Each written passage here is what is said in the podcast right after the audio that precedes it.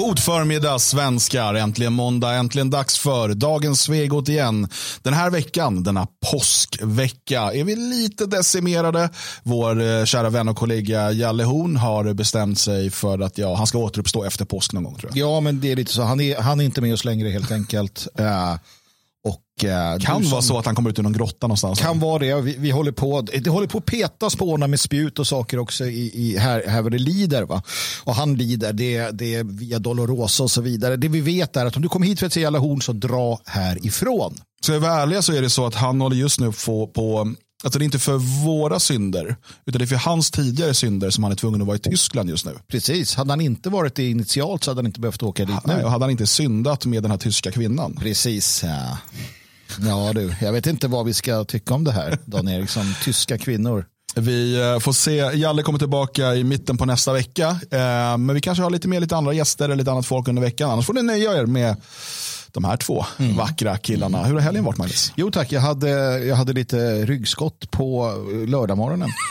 Farbror. När jag vaknade. Ja, det var jättekonstigt. Jag hade, vi hade ju disco här i Elgarås och jag höll på att rodda såklart. Jag är inte bara jultomte, jag är också disco, discoroddare. Ja.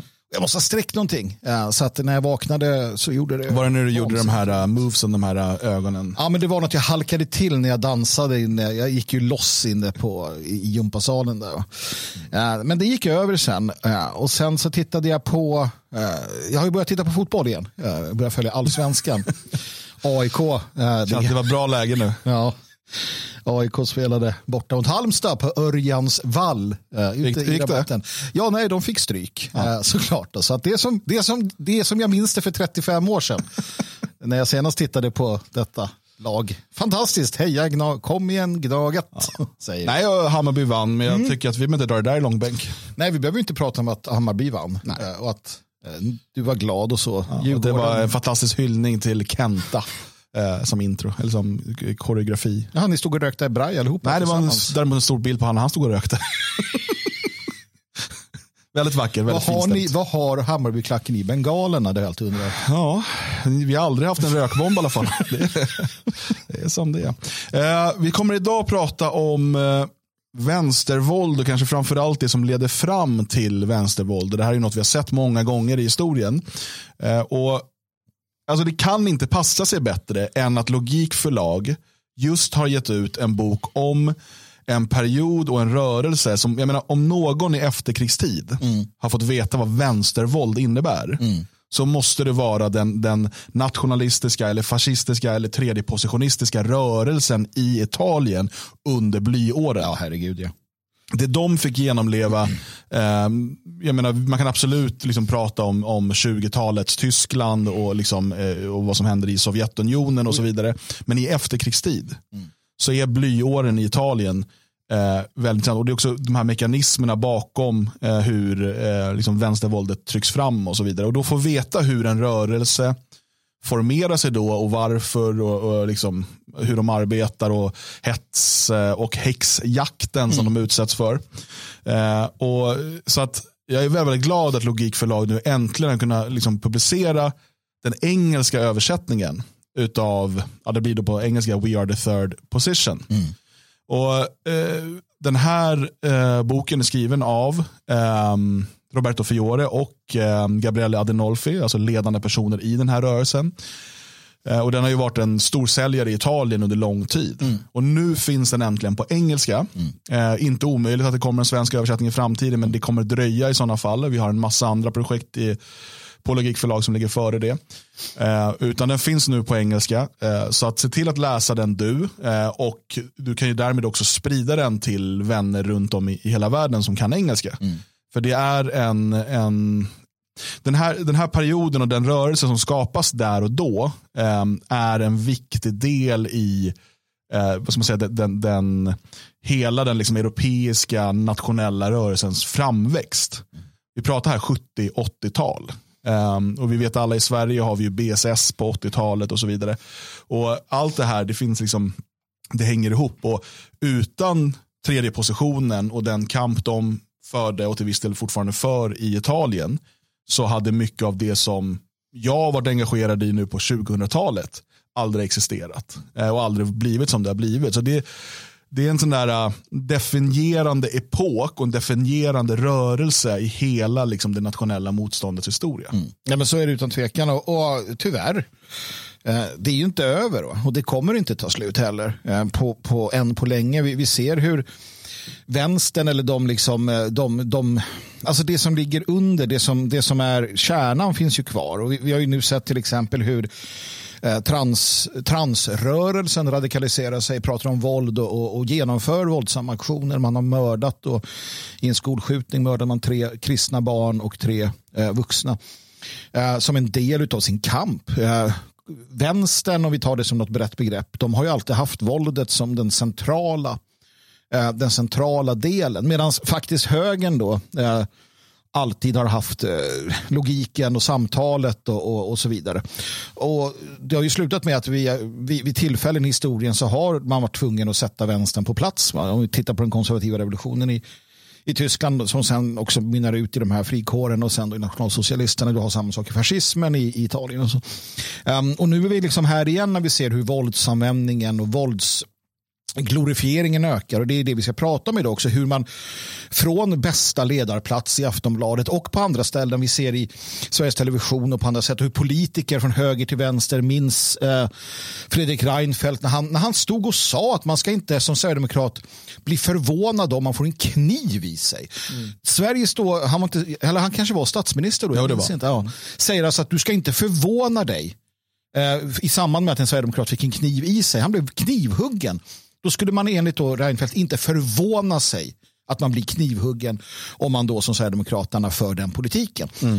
Eh, det är oerhört det som, det som händer och det, det hat som de här eh, drar igång. Va? Du, du, hade, du hade upprinnelsen till mordet på Daniel Wretström där eh, Göran Persson säger att vi ska krossa dem, så att regeringen ska krossa dem. Så. Um, och, och, vad måste man göra och hur måste man agera? Ja, eh, vi, vi kan lära oss lite naturligtvis av då Roberto Fiore och som du kallar då blyåren. Och, och, det var ju en reaktion. Det var en reaktion på det våld och det hat som den här militanta då, vänstern. Och så många av deras kamrater som mördades under den här tiden. Precis, och det var, det var ett samarbete mellan då vänstern, Brigade Ross och andra och frimurarna och regeringen. Mm. Det, det, var liksom, det, var på den, det var på den grad att Roberto Fiore får se det mera politisk asyl i Storbritannien av Margaret Thatcher. Mm. Alltså, så illa var det. Man måste förstå hur djupt ner i, i sörjan Italien var. Ja, är, ja, just nu kan man säga då att eh, Roberto Fiore driver ju ett eh, stort åtal mot den italienska staten med anledning av eh, det som sker under covid Eh, restriktionerna, nedstängningarna, mm. vaccinpassen och så vidare.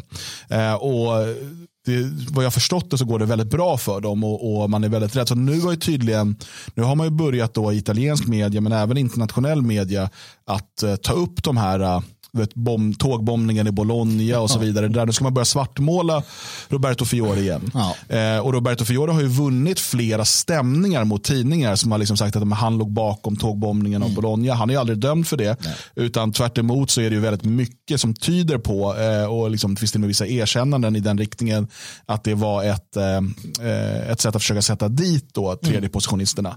Eh, genom, eh, och det var då via eh, säkerhetstjänsten och, och liksom vänsterextremister mm. som, som stod bakom det här fruktansvärda terrordådet.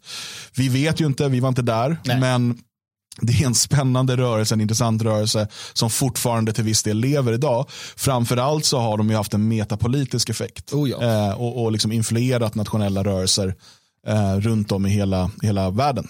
Ja, men man, är väl själv, man är väl själv benägen att någonstans se sin egen politiska, sitt eget politiska liksom, avstamp som någon form av tredje position i den meningen då att det är bortom eller mellan liksom vänster och höger. Jag, jag vill inte se mig som ändera eh, utan däremot fritt kunna manövrera. Men, jag skulle säga ovanför. Ovanför, absolut blicka ner och, mm. och så. Sen, sen har tredje positionen det, det, finns ju tyd, mer eller mindre tydliga gränsdragningar ideologiskt sett. Det finns peronismen och det finns en, en, en vänsterdragning, speciellt i den italienska eh, tredje positionen. Jag, jag, är liksom inte, om jag skulle kalla mig tredje positionist så är det inte utifrån liksom den definitionen, Nej. den ideologin, utan Nej. det är snarare just att jag väljer en tredje väg. Ja. Nej, och det finns ju en, en, eh, det här handlar också bland annat då om den ekonomiska politiken. Precis. Alltså att du varken anhängare av socialism och planekonomi eller total fri marknadskapitalism. Mm. utan att eh, man pratar om en tredje position. Och, och det handlar också om att inte tillåta sig att placeras i de här vänster-höger-facken. För mm. det är en, och, och, det är det som tredjepositionisterna menar och som vi menar också, eh, att, att det är en falsk dikotomi. Mm. Alltså att man måste inte välja vänster eller höger. Eh, det är inte socialism eller kapitalism. Det är liksom inte, utan det finns ett annat sätt att, att se på det och det finns andra sätt att organisera samhället. Um, så att det är en stark läsrekommendation. Ja, we, we, are the third position. Um, och den finns just nu på, på Amazon. Mm. Och beställ den gärna därifrån. Vi vill få upp den här på topplistorna så att fler eh, tar del av den.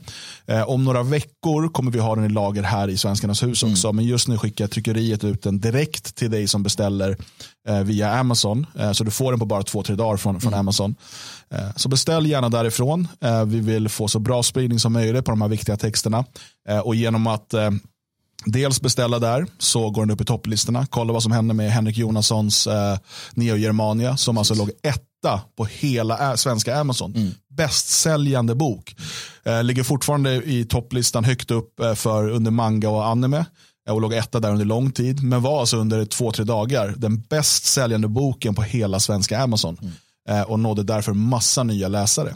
Och Vi kan göra liknande saker med andra böcker också. Den här, eh, gå in och beställ den från Amazon.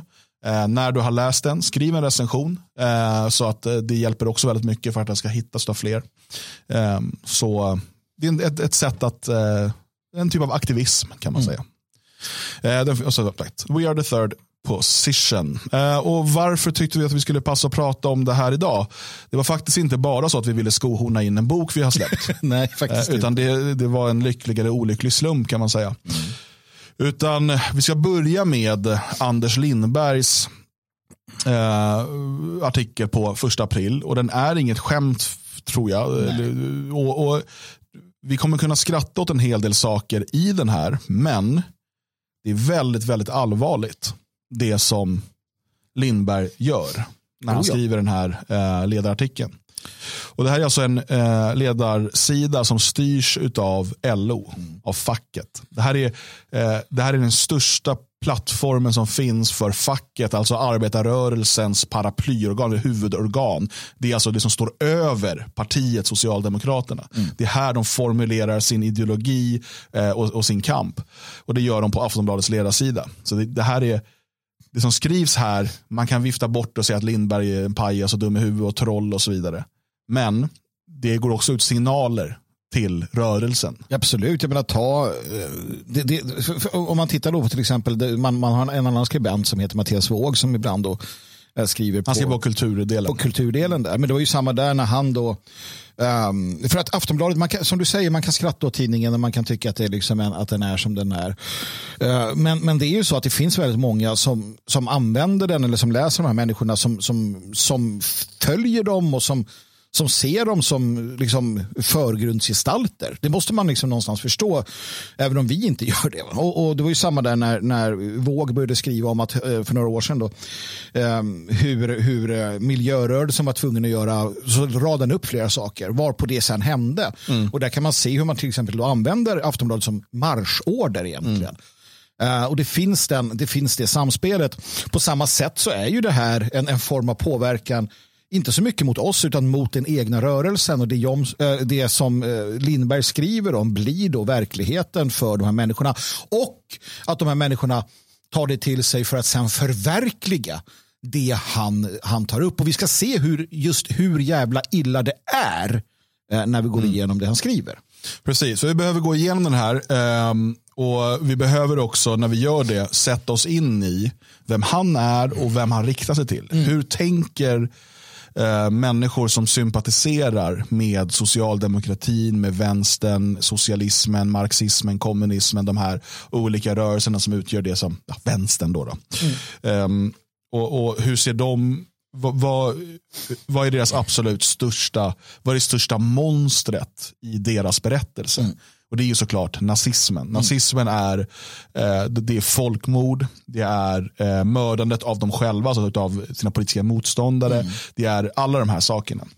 Och Han lägger upp för det i början här. Och han, så vi ska läsa exakt vad Anders Lindberg skriver här och vi ska förklara varför det är så farligt. Ja, jag ska bara innan vi gör det, bara för, bara, bara för att förstå hur djupt det här spöket går, titta på eh, Vladimir Putin och Ryssland idag. Mm. Som då någonstans har tagit, sagt hej då till bolsjevismen och kommunismen och har någon nytsarisk liksom, agenda. Men fortfarande så är fascismen, det är liksom det man lutar sig mot som den stora eh, skurken. Det är det man motiverar allt med.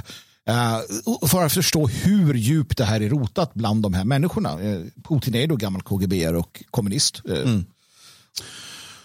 I mars 1933, för nästan precis 90 år sedan, slutade tidningen Münchener Post att komma ut. Redaktionen slog sönder av nazistpartiets stormtrupper och journalisterna fick fly. Bara en dryg månad tidigare, 30 januari 1933, hade Adolf Hitler valts till rysk, eh, tysk rikskansler. Hitler hatade Münchener Post. Hans öknamn för tidningen var Giftküche, giftköket eller Münchener Pest. Okej, okay. här har vi då, eh, vi kan bara fortsätta här för det här är ju, tänk er när Jan Guillou skriver Ondskan och Erik Ponti är allt han har velat vara. Så det här är Anders Lindberg och han vill ju att Aftonbladet ska vara Münchener Post 1933 så att säga. Eller Aftonlögnen som vi kallar den. Tidningen, som var socialdemokratisk, var en av få i Tyskland som direkt hade insett vad Adolf Hitler och nazisterna gick för. Från 1920-talet och framåt avslöjade man en rad skandaler och intriger i partiet. Man skrev detaljerat om Hitlers politiska planer. Den 9 december 1931 publicerade man exempelvis nazistiska dokument om en Endlösung, en slutgiltig lösning för Münchens judar. Det var första gången ordet nämndes i det sammanhanget. Det första nazistiska attentatet mot Münchener Post ägde rum redan 1923. Men i och med nazisternas maktövertagande var det alltså slut. Flera redaktörer hamnade i fängelse eller koncentrationsläger.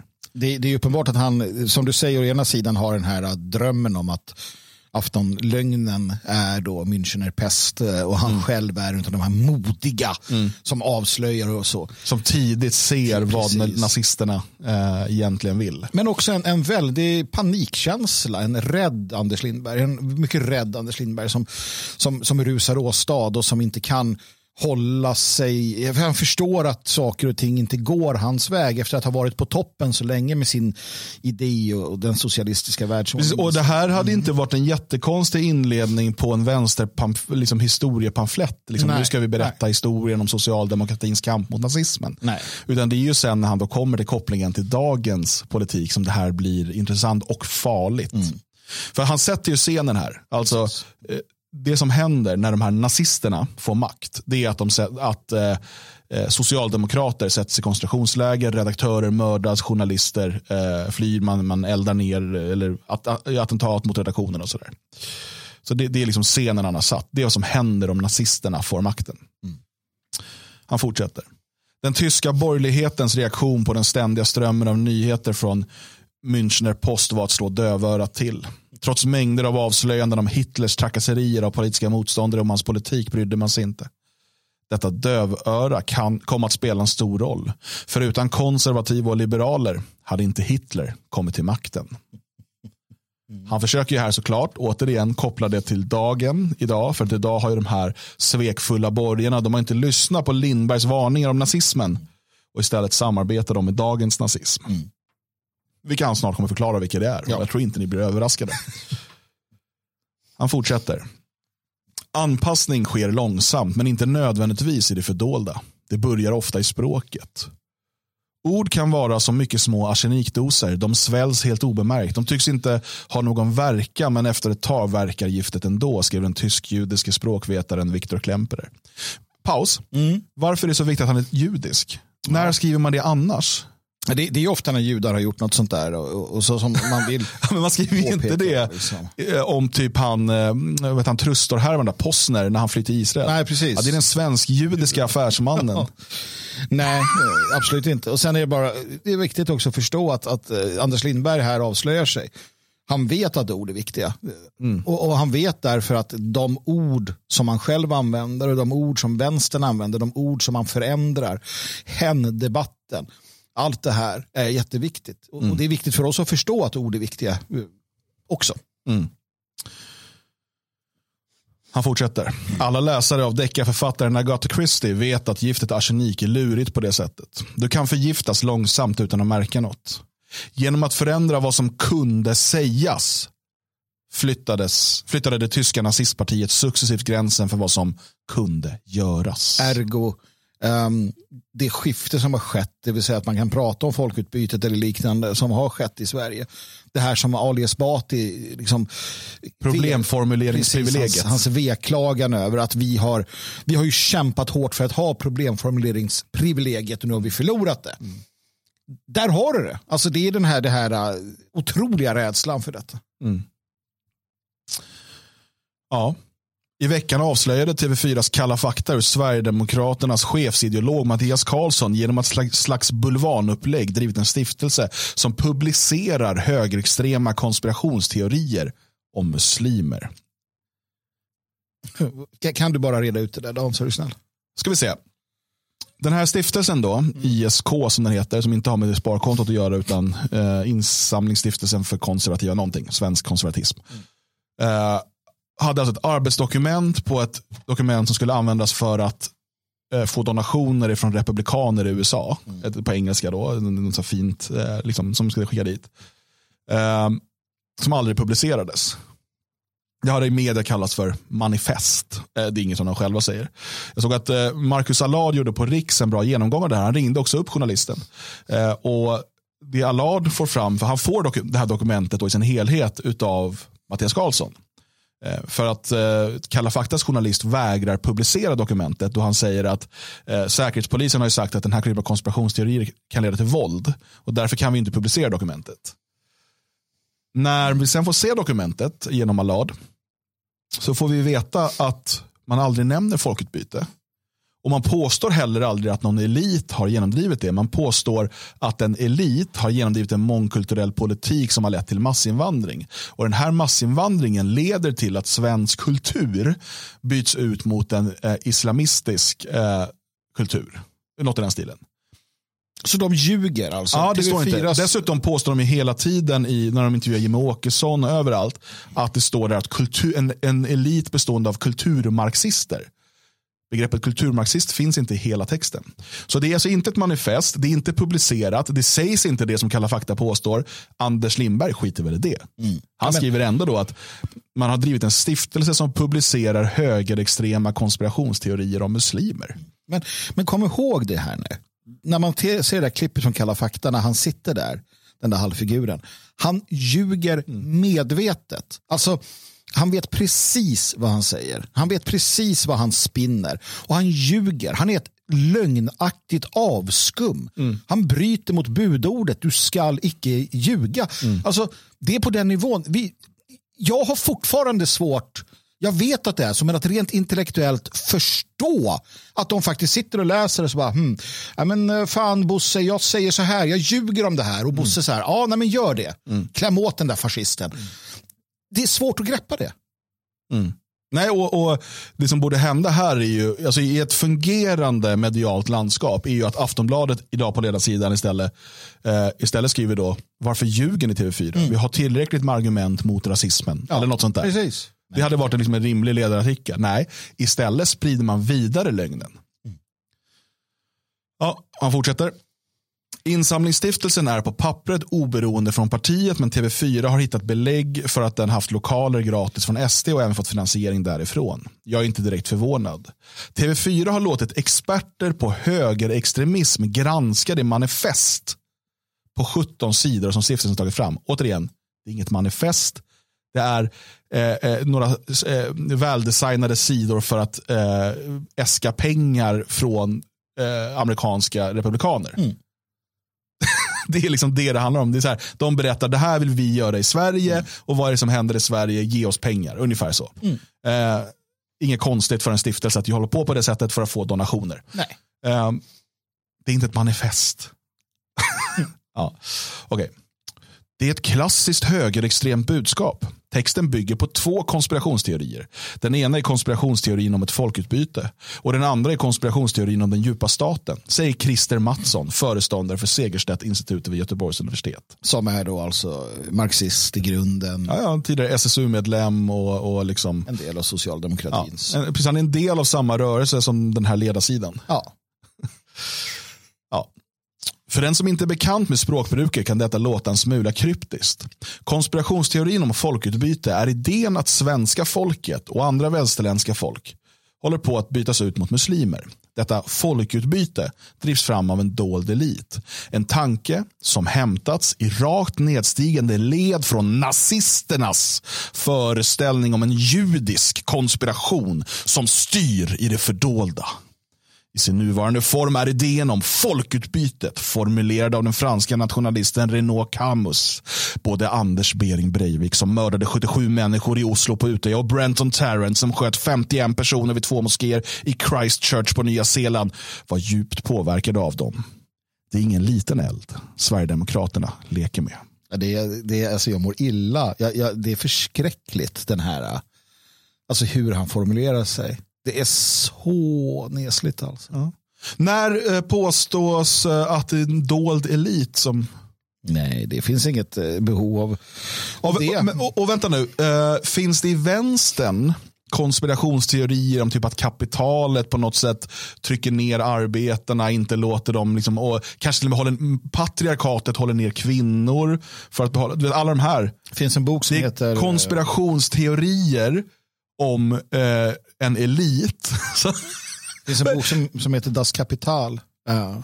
Ja men, ja, men alltså, varenda egentlig eh, kritisk eller så, alltså samhällsanalys bygger ju på att det finns en grupp eh, liksom, på något sätt i samhället som tar makt från din grupp. Mm.